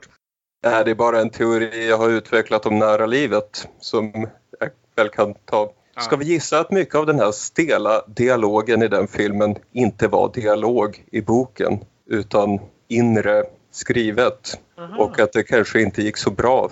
Det kanske blev så stelt just för att de placerade prosan som dialog. Bara en tanke som slagit mig. Men det var alltså så att Björnstrand hade blivit katolik i samband med Ja, han hade, hade gått över här omkring. Det jag tänkte komma fram till i slutet där var att en del av min bedömning av Bergman-filmen har kommit fram till om de här ögonblicken när människorna uttrycker sina innersta känslor för varandra känns naturliga och förtjänade och välspelade nog att de faktiskt funkar eller om de inte gör det. Och här funkar det ju som aldrig förr höll jag på att säga. Samtidigt på land. Karin, bad goes to worse. Nu kommer regnet. Ja, nu faller allt. Och Minus hittar henne på ett vrak nere vid stranden. Springer över den här bryggan som de så vackert byggt upp. Och, eh, och Karin ska våldta Minus. Ja, gör Ja. väl mer eller mindre det också. Ja. Ja. Så som man, alltså, det är en otroligt jävla svår scen. Alltså, hon är ju, alltså all, allting ja, lämnas ju... Nej, det är den svåraste scenen kan jag känna att vi någonsin haft att göra med i den här podden. Att diskutera ens. För att det som händer är så liksom... Nej, jag vet inte vad jag ska säga riktigt. Det, ja. Det är lite svårt att fatta vad det är som händer nästan medan det händer. det är ju inte, det är inte spelat som till exempel... Den, den lättaste scenen att jämföra med är ju Jungfrukällan. Ja. Eh, där vi har en våldtäkt som vi ser genomföras ut, liksom otvetydigt vad det är som händer. Mm. I alla aktioner. Det här är betydligt mer vad ni än vill kalla liksom grådaskigt.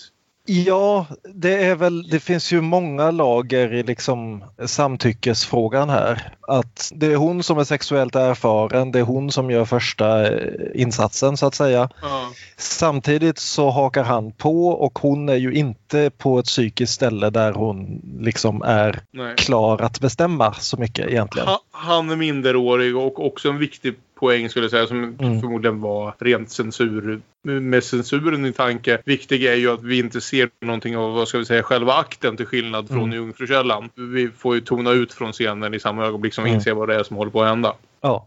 Och när de då kommer till sina fulla fem eller någon del därav Mm. efteråt så i filmens kanske övertydligaste metafor här så kan han inte få bort henne därifrån för egen maskin. Det enda han kan göra är att springa och hämta lite regnkläder. Jag ska också sä- säga, jag tycker att den här scenen, allting nere i det här skeppsvraket eller vad det är, där det här sker, är kanske det snyggast filmade hittills i en Bergman-film. Alla de Ja. här scenerna med vattnet som droppar och skuggorna och så här är alltså världsklass i liksom va- varför man hyr in Sven Nykvist. Ja. Det, det är otroligt filmat. Rent liksom Mm. visuellt är det fantastiskt. Ja. Och sen så är det ju också nästan på sätt och vis en om vi ska snacka om det här med spegel just så är det ju verkligen en förvrängd version av första sexscenen i Sommaren med Monica också. Bara det att här är skeppet på grund och fullt med hål och fullt med vatten och allting är hemskt. Bach-musiken funkar. Den Ja. funkar väldigt bra när den används genom filmen. Mm. Så hur som helst så kommer ju David och Martin tillbaka. Minus springer och hämtar dem och berättar att Karin ligger i vraket och jag kan inte få ut henne. Och de lyckas med gemensamma krafter få upp henne och hon förklarar att nu vill hon bara stanna på sjukhuset. För hon klarar inte av att leva i två världar längre. Hon, Mm. st- hon styrs av de här rösterna och hon vet inte vad som är den, eh, verkligheten och vad som är drömmen. Och hon vet inte vad som är hon själv och vad som är rösterna i huvudet. Och hon, hon har inga gränser kvar. Och vid något tillfälle så Mm. landar hon med sin pappa i vraket va. Medan Mm. Martin och Minus går och hämtar medicin. Mm. Och, så, och hon berättar vad det är som har hänt. Hon talar om vad hon har, ja, att hon har gjort hemska saker och så tills han förstår vad det är som har hänt. Och Mm. Gunnar Björnstrand sväljer och hans adamsäpple ser ut som att det är filmat Mm. i slow motion så stort som Ja. det är och som det går upp och ner när han får insikten av vad som händer. Och det är ytterligare ett av de här ögonblicken som, som fullkomligt jävla knäcker mig. Alltså det... Ja. ja. Och nyckelrepliken här är kanske Är det bara sjukdom alltihopa? Pappa. Det är så otäckt när man ser sin förvirring och förstår den. Är det bara sjukdom alltihopa? Mm. Och hennes far kan ju bara liksom som den konstnär, Bergman-konstnär han är kan ju bara prata om sig själv i det läget. Mm. Och förklara, det är här han också berättade här om att hans fru dog i något liknande. Och att han kan relatera till just det här. Liksom, och han, det är väl det närmaste han kommer att säga jag har varit en usel pappa, förlåt mig. Ser du Karin? Man drar en magisk cirkel omkring sig och stänger ute allt som inte passar ihop med ens hemliga lekar. Varje gång livet slår sönder cirkeln blir lekarna små och grå och löjeväckande. Då drar man genast en ny cirkel, bygger nya skydd. Stackars lilla pappa. Ja, visst. Stackars lilla pappa som är tvungen att leva i verkligheten. Kan jag få säga, återigen få fortsätta här för jag tror jag tänkte oväntat mycket eh, på mamman i det här läget. Dog i något liknande, alltså, han säger inte de orden men hon måste ju ha begått självmord om vi inte tror att hon fortfarande lever någonstans. För att som sagt schizofreni är en obotlig sjukdom vid det här laget. Så Mm. filmen spelas in men inte en dödlig sådan. Det är väl mycket möjligt att eh, Det, man det, är mycket, möj, det, det är mycket möjligt men jag tror eh, långt ifrån alla som dör i förtid i schizofreni dör inte av självmord. Nej. Det, det, det finns, ja. Hur som helst. Men så får vi också det här, återigen tillbaka till det här som vi diskuterade förut med det här konstiga vardagliga mitt i allt det här. Att Ja. Karins första replik när de väl kommer upp ur båten och kommer fram till huset igen är Tänk nu fick vi inte plocka svamp. Nej. Och när de börjar packa vecka så eh, liksom kommer de i en konstig diskussion här om ja men jag får inte plats med skorna. Ja men ta ur dem då och ta på dig dem istället och lämna de där gamla trasiga här. Jo men jag ska ju lämna dem här till skomakaren inne i stan. Och, Mm. ja. Allt det där älskar jag i den här filmen. Alla de här Ja. övergångarna Ja. från någonting som har varit så djupt Mm. traumatiskt och svår upplevelse till att direkt gå tillbaka till att försöka få det till någon så här konstig, liksom bara, bara va- vardagligheten. Få det till den normala direkt. Nu diskuterar vi det här. Vem sköter disken? Ja. Ja. Okej, vi går alla runt här och mår dåligt men nu måste vi faktiskt Mm. nu måste vi lösa vem som ska gå till skomakaren, vem som ska sköta Mm. disken. Ja. Ja. liksom, ja. Precis, men just när han försöker liksom göra allt det här vardagliga så försvinner ju Karin ändå igen. De är otroligt dåliga på att hålla koll på Karin i den här delen. Ja. Och de hittar henne igen uppe i mammans rum där hon nu gått fullständigt in i det och står och för en diskussion med någon som ingen kan se. Nu är det dags för Gud att visa sig. Precis. Och just då landar ambulanshelikoptern med Mm, dunder, dunder och brak och skakande väggar så att en av dörrarna till och med öppnar sig. Och det är verkligen liksom sista frasen av The Ballad of Lucy Jordan här. Och det är här liksom som herregud Harriet Andersson alltså. Det är helt jävla otroligt verkligen. Eh, Mm. För här flippar hon ut fullständigt. Och det slutar inte förrän hon lyckas släpa henne ner för trappan och ge henne något lugnande. Mm. Och eh, på sättet det här är filmat alltså återigen att det är bara den här scenen hon kommer ner för trappan och Minus står där och ska stoppa henne och Bergman bara klipper pang till en nybild av, eller närbild av Minus som står där och ser ut som en skurk ur en 40-talsfilm. Vi går från att se henne ur deras perspektiv till att hamna i hennes perspektiv. Mm. Det finns ingen väg för henne ut ur det här. Nej. Och det som står i vägen för henne är just de hon älskar. Och den här ner- vägen ja. ut har ju också visat sig vara en illusion. Det är inte ens en illusion utan en skräckupplevelse. Dörren öppnades. Guden som kom ut var en spindel. Han kom fram mot mig och jag såg hans ansikte. Ett hemskt stelt ansikte. Han klättrade upp på mig och försökte tränga in i mig. Men jag värjde mig. Hela tiden såg jag hans ögon. De var kalla och lugna. När han inte kunde tränga in i mig klättrade han upp på mitt bröst. På mitt ansikte och vidare upp för väggen.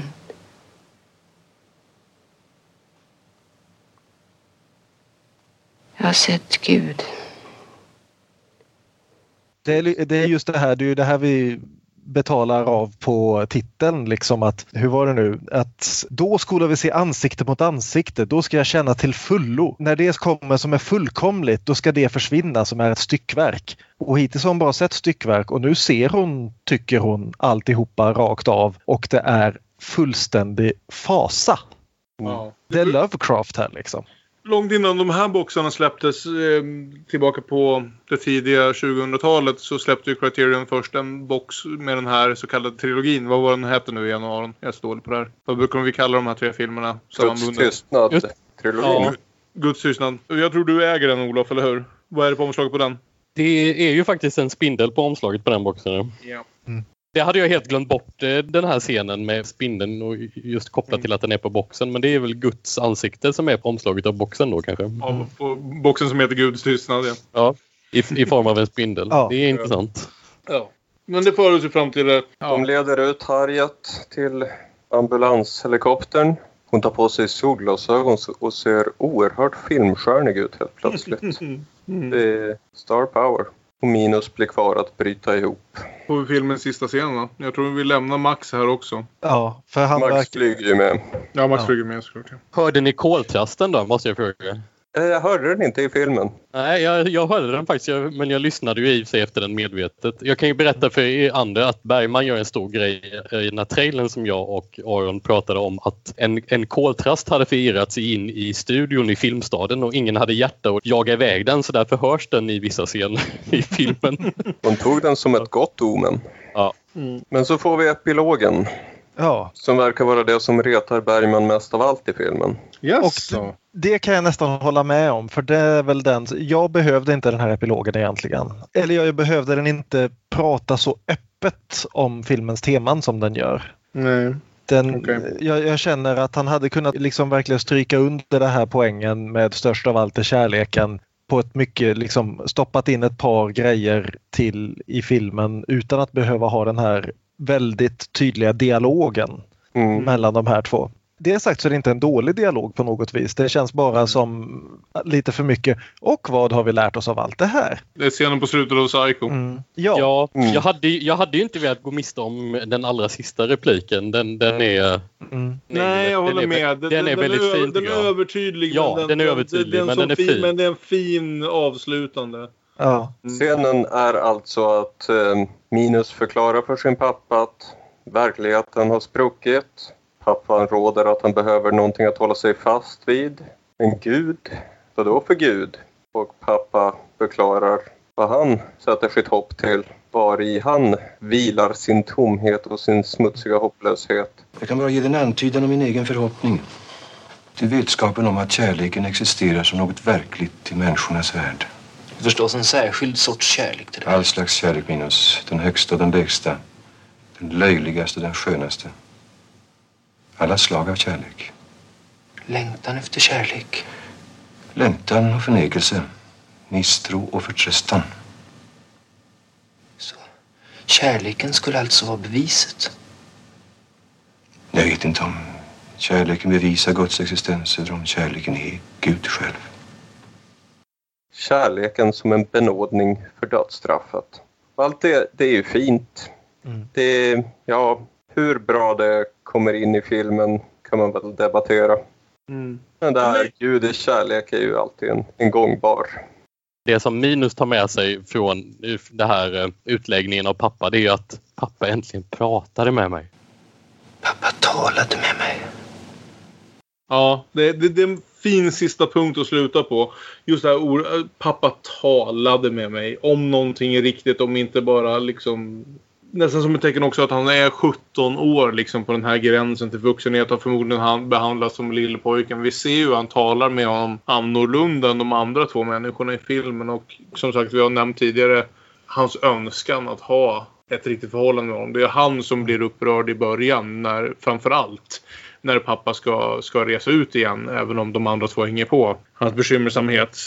Eh, jag, jag, jag älskar just den punkten. Jag tycker inte scenen är helt lyckad till den punkten men jag gillar vart den slutar. Mm. Jag kan tycka nu när vi, för det för oss fram till slutet av Så som min spegel ska Mm. vi säga. Och min känsla av den här filmen och kanske även efter den här diskussionen så som det brukar vara att jag, jag tycker väldigt, väldigt mycket om den här filmen. Jag tycker den är, om inte det absoluta toppskiktet som sagt, bara precis strax där under av filmen jag har sett. Mitt problem är att den tar en liten jag har nästan aldrig sett det, sagt det här förut, även om alla de här filmerna hittills har varit ganska korta filmer, de flesta runt 90 minuter. Den här filmen hade kunnat få vara 10 minuter längre för mig. Det känns som att den dramatiska uppbyggnaden saknar en, inte vet jag, 10 minuter, en kvart någonstans på mitten. Just för att bygga upp lite vad som händer med Harriet. Den är en väldigt annorlunda film i första halvan än mot i andra halvan. Och övergången från den första halvan till den andra halvan känns plötslig på ett sätt som gör att inte alla de dramatiska punkterna landar. Det blir lite, ja, vänta vad fan händer nu då? Ärligt talat är lite min, min känsla. Och det är nog min största kritik mot den. Jag hänger liksom inte riktigt med i den dramatiska svängen utan ibland får jag bara acceptera att oj, nu händer det där visst ja, okej då. Så här, och inte nödvändigtvis på ett bra sätt utan,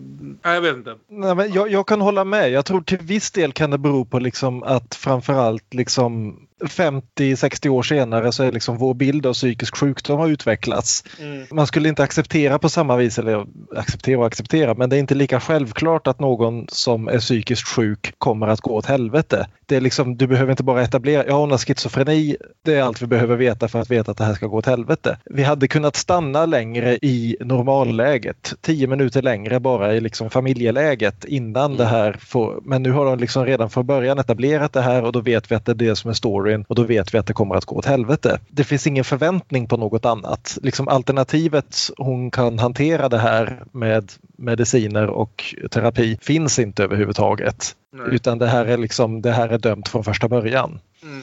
Utifrån 1961 då. Men eh, jag, håller med dig om att det är liksom, jag hade velat få lite mera tid att liksom bara se de här karaktärerna vara tillsammans och vara så pass funktionella som en dysfunktionell Bergman-familj är innan allting går åt helvete. Mm. Jag tror det kanske det är, är ute efter. Flytet är inte klockrent. Det sker en för skarp vändning någonstans. Och det är inte... Vissa filmer funkar bra med sånt. Att något chockartat ska hända och sen ska hela resten av filmen förhålla sig till det. Men det är inte riktigt det som händer här känner jag. Utan det är bara en tempomiss på något sätt.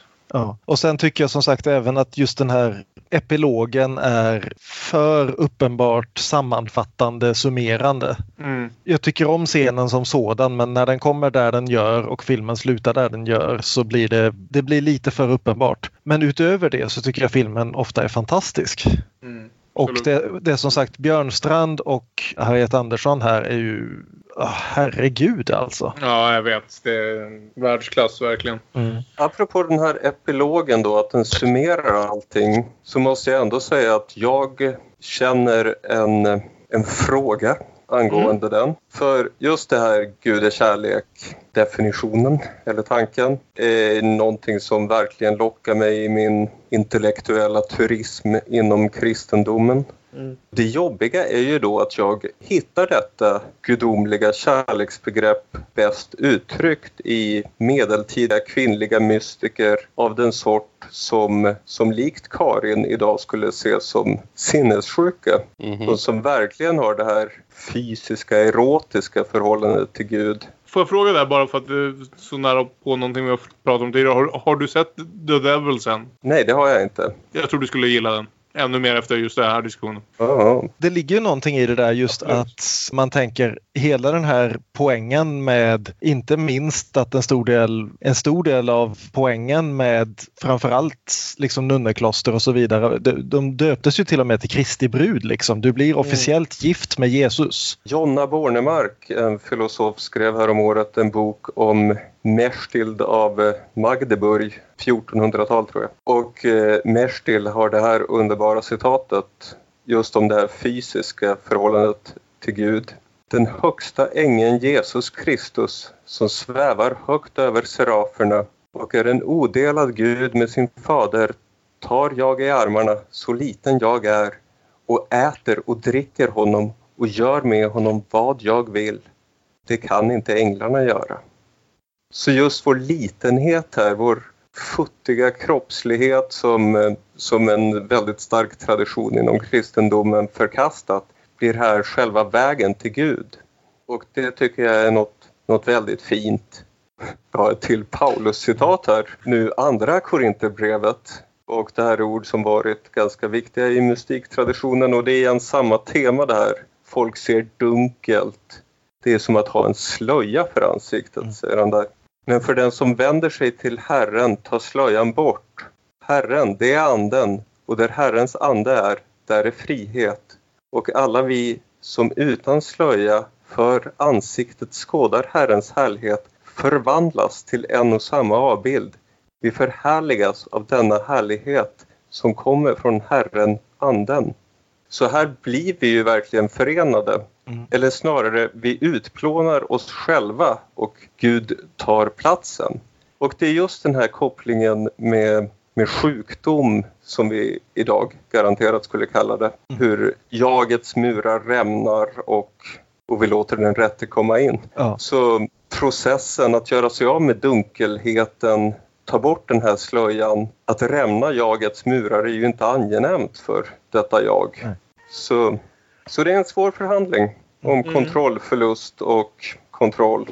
Ja, och, och det... vi har de älskandes lidande som det pratades så fint om i Sommarnattens leende om man vill sekularisera alltihop. Mm. Och det är ju det här det intressanta också är att just titeln på filmen som ju är baserad på en översättning. Nya testamentet är ju skrivet på grekiska så den svenska titeln på filmen är Så som i en spegel medan den engelska titeln som utgår från en annan översättning heter då Through a glass darkly. Det vill säga att i den engelska 1600-talsöversättningen så översattes det här grekiska ordet, vilket det nu må vara, med glas och i den svenska 1900-talsöversättning med spegel. Det vill säga att Bergmans karaktärer ser sig i en spegel men internationellt ser de genom ett glas. Mm. Så frågan är, ser de något annat i den engelska översättningen än de gör i den svenska? Nej, men... Eh, det, det, det, är jätteintressant för båda mm. två är ju fantastiska alltså, begrepp. Bara rent som poetiska begrepp är ju båda två jag satt och funderade precis på det, vilken är den bättre titeln? För jag vet att vi var helt överens om att när Gycklarnas afton fick heta Sawdust and Tinsel så fick amerikanerna den, den godare biten av kakan. Men båda de här titlarna är liksom evokativa på ett sätt som, ja, jag har ingen favorit ens utan jag tycker de, de båda två på något sätt är helt rätt för filmen och ändå så olika och det är väldigt spännande.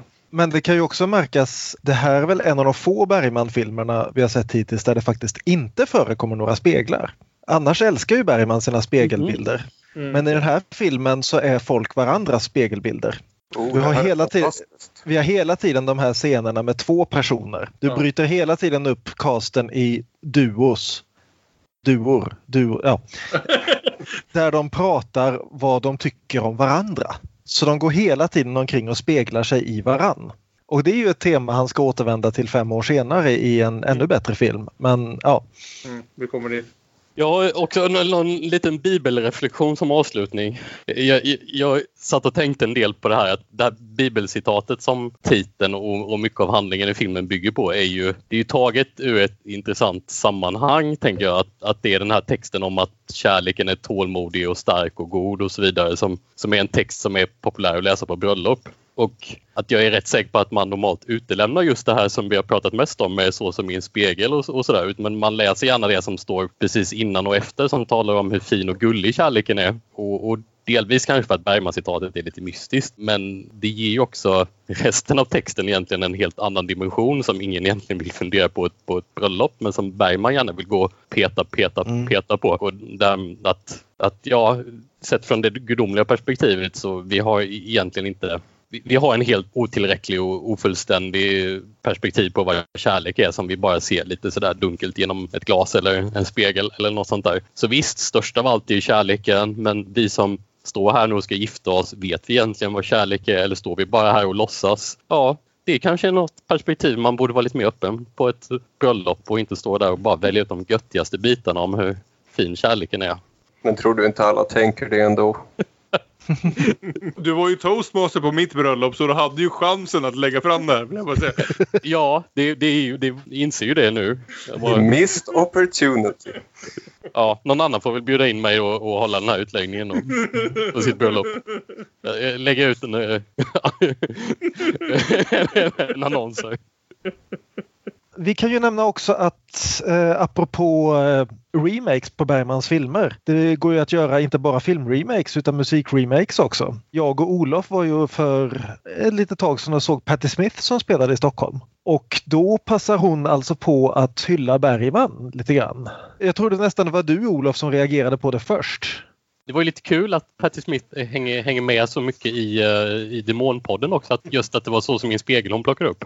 Hon körde alltså då en låt som heter Tarkovsky, The second stop is Jupiter. Som ju i original naturligtvis då inspirerad av Tarkovsky-filmer. Men istället så skrev hon om texten så att den handlade, som jag hann uppfatta i alla fall, både om Så som i en spegel och Tystnaden. Nu har vi inte hunnit fram till Tystnaden än så vi tar inte den biten än. Men, Men jag, jag tänkte nog också att hon, ja. väv, hon vävde nog ihop det lite grann där. Ja, precis. Hon stod vid ett tillfälle och skrek att I have seen God and he is a spider, big black helicopter taking me away.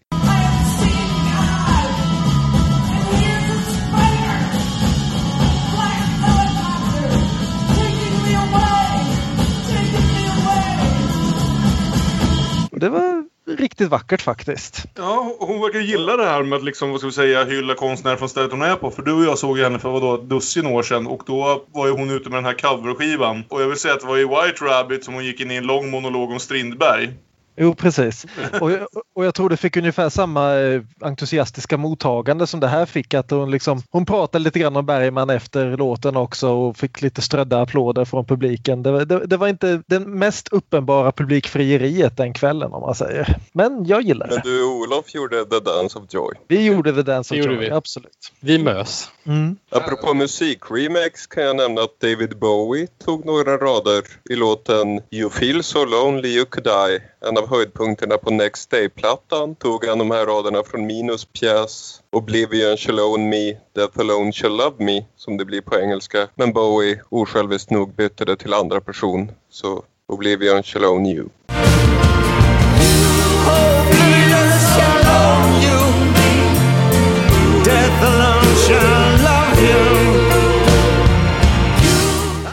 Så han, han har också sett Bergman. Ja, äh, men det, med, med, med det sagt så tror jag kanske vi ändå vår diskussion om så som inspegel drar sig till sitt slut. Så som alltid så tycker jag vi avslutar med vår fina fina lek Aron. Som ju har ett väldigt tydligt namn.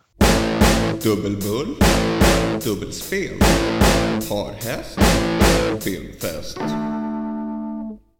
Det här är alltså delen av vårt avsnitt där vi var och en väljer en film som vill para ihop med Så som en spegel. En film som vi tycker passar bra ihop med den tematiskt eller på något annat sätt och som skulle kunna passa sig att se tillsammans med den på en lång filmkväll. Olof, har du hittat någon kul film att para ihop med veckans film? Ja, alltså jag hade lite svårt att välja. Eh, ja, men jag, jag, tänker, jag tycker väl att det kan vara intressant att se den här filmen jämte någon film om att eh, vara fången mellan två verkligheter och att olika verkligheter glider in i varandra och, och till slut måste man välja en verklighet kanske även om man inte riktigt vet vilken som är den verkliga eller inte. Om det är okej okay att jag väljer ett tv-serieavsnitt så kanske jag faktiskt säger Buffy the Vampire Slayer avsnittet Normal Again från säsong 6. Därför att det fångar ju temat från den här filmen ganska bra och Buffy är ju Harriet Andersson with Demons i det avsnittet. Jag kanske säger det då. Jag tycker det låter jättefint. Det är ju inte som att någon på den här podden kommer klaga på om du väljer Buffy Mm. tid eller otid. Och, och det, det håller fast vid temat att det den här filmen behöver är flera mord. ja. Även om det, jag tror inte det är någon som dör i det avsnittet. Jag är lite osäker. Ja. Jo, men hur som helst så ja. Mm. Ja, definitivt.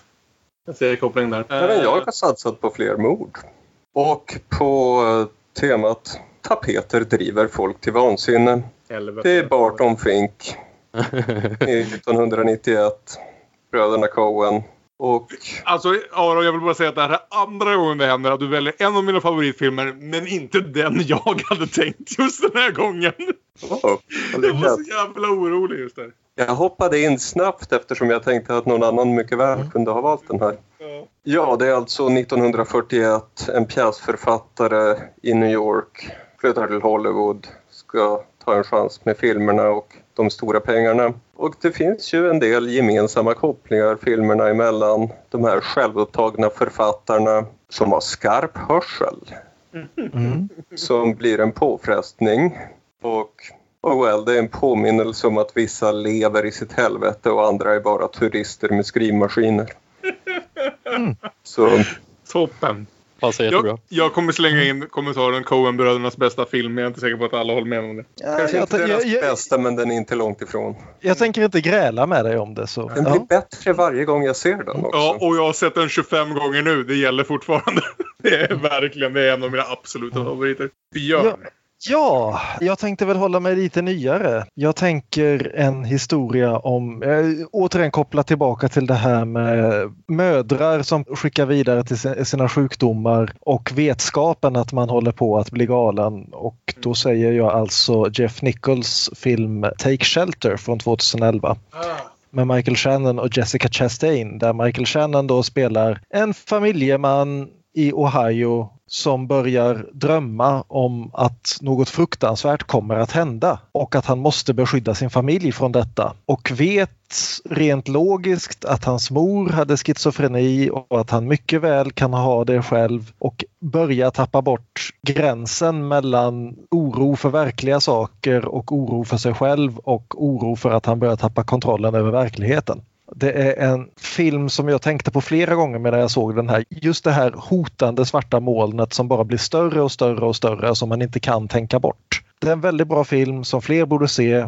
Jeff Nichols har gjort flera stycken väldigt bra filmer som alldeles för få människor har sett. Så ja, ja se den. Mm, toppen. Jag har ju landat lite i det här många gånger tidigare i att jag har försökt välja filmer äldre än den vi pratar om för att se vart Bergman kan ha fått sin inspiration ifrån. Den här gången tänker jag vända lite på kakan och säga att den här, det här är en film nu som kom ungefär fyra år senare och det finns ingen chans att den här filmen gjordes om inte filmskaparen hade sett så som min spegel först. Och då tänker jag, utan att orka gå in på en lång monolog om vilka regissörer vi diskuterar hit eller dit. Eh, Roman Polanskis Repulsion tror inte jag hade kunnat finnas utan Så som min spegel. Det är en, en film om en annan ung kvinna som behöver försöka leva med sin psykiska sjukdom ända fram tills hennes väggar spricker och allting går åt helvete. Och mycket av bildspråket är detsamma även om det här är en film som har fler mord och tar ett mer, vad ska vi säga, skräck skräckfilmigare uttryck. Men ändå diskuterar en hel del av samma ämnen och eh, jag tog också en sån film som, som är lite svår att acceptera, vad ska vi säga, rent utifrån vad vi vet om schizofreni idag och sådär. Men som effektiv dramatisk film och effektiv skräckfilm sett är den fortfarande alldeles jävla lysande. Och utifrån vad vi vet om Roman Polanski. Ja, inte alltid helt bekvämt att rekommendera Polanski idag och jag är medveten om problematiseringen i det. Men med det sagt, han gjorde ett par bra filmer. Repulsion är en av dem och det är absolut en film han gjorde efter att ha sett Så som min spegel. Eh, Jag funderade ett kort tag på Rosemary's Baby också. Så. Ja, precis. Leva i två världar. De två är ju de riktiga syskonfilmerna. Bokstavligt talat. Alltså de två är ju... Det är två filmer han gjorde back to back och det är så här. Och prata om syskonfilmer när vi precis har sett den här filmen vet jag inte om det är... Oh. oh well. Med det sagt. med det sagt. Så för oss till slutet av veckans diskussion om Så som min spegel. Aron, har det blivit någon låt den här veckan? Kristen rock. Såklart. Yes! Finally. Ja, ni kan som alltid nå oss via sociala medier. Vi är at Damonpodden på Twitter och på Instagram. Vi finns som Demonpodden med Ä Facebook. Man kan mejla damonpodden at gmail.com. Ja, det är väl de sätten som finns och eh, ni får jättegärna ta kontakt med oss. Vilken spännande och intressant diskussion och vi kommer dyka ännu djupare ner i Bergman och hans religiösa grubblerier nästa vecka. Den gången med en ny spännande gäst när vi pratar om nattvardsgäst. Ha det gott tills vidare. Jag heter Kalle Färm. Hej då! Hej då! Hej då!